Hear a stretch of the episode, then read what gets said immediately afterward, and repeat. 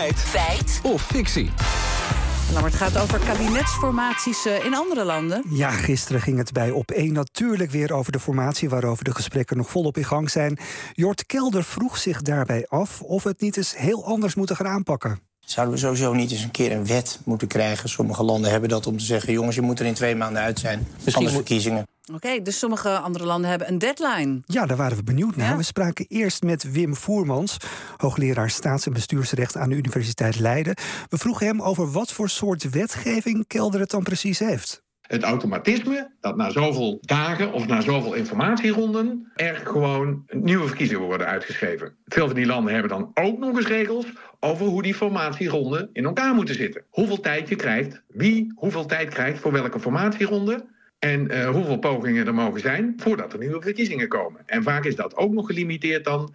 Dan moet het, alles moet in zoveel dagen zijn afgerond. De hele, alle formatiepogingen. En dan komen er automatisch nieuwe verkiezingen als het niet gelukt is. Nou, klinkt als een invuloefening, maar, maar welke, welke landen hebben het dan? Nou, Voermans soms even handig voor ons op. In een eh, heel aantal Europese landen is er een grondwettelijke of wettelijke plicht om vervroegd de verkiezingen uit te schrijven als het formatieproces is vastgelopen.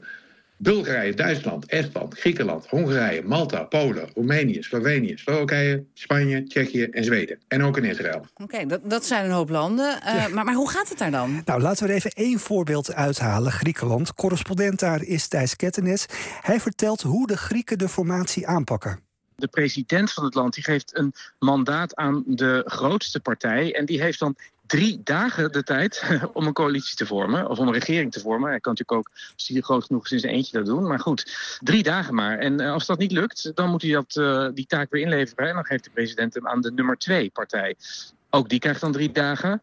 Lukt het weer niet, dan mag er vervolgens de derde partij proberen. En als eh, ja, die het ook niet lukt, dan, eh, dan schrijft de president inderdaad nieuwe verkiezingen uit. Ja, wij denken misschien aan een mediterraan manjana maar volgens Kettenis past deze manier bij de Griekse cultuur... want die zijn niet zo van het onderhandelen en het compromis. Niet zo'n polderland dus als Nederland... en daarom kan tijdsdruk goed werken. Bijvoorbeeld tijdens de crisis in 2012. Maar het proces kan ook daar verstoord worden. Als eh, een partij, bijvoorbeeld de grootste partij, denkt: Nou ja, mijn kans is nu om een coalitie te vormen. Ehm, eh, of ik neem de gok en ga voor die nieuwe verkiezingen. eh, want de peilingen, in de peilingen sta er eigenlijk nog beter voor. En dan haal ik in één keer in mijn eentje een, een meerderheid. Of in ieder geval een beter resultaat. Ja, dat maakt natuurlijk dat soort calculerend gedrag wel een onderdeel van de manier waarop het in Griekenland gebeurt, de regeringsvorming. Nou, past dus bij een cultuur, kan soms helpen, maar ook weer niet. Ja, zouden wij dat hier dan wel moeten willen? Nou, Paul Bovendeert, hoogleraar staatsrecht, spreekt zijn twijfels uit. In die andere landen heeft het bepaald niet geleid tot een snellere regeringsvorming in de praktijk. Vaak is het zo dat het eh, de politieke situatie alleen maar bemoeilijkt. Eh, na verloop van tijd is er geen eh, regering gevormd. Er moeten weer verkiezingen plaatsvinden. Die verkiezingen geven geen duidelijke uitslag. Er moet opnieuw geprobeerd worden om een regering te vormen. Ja, dat leidt zelfs eerder tot vertraging dan tot versnelling.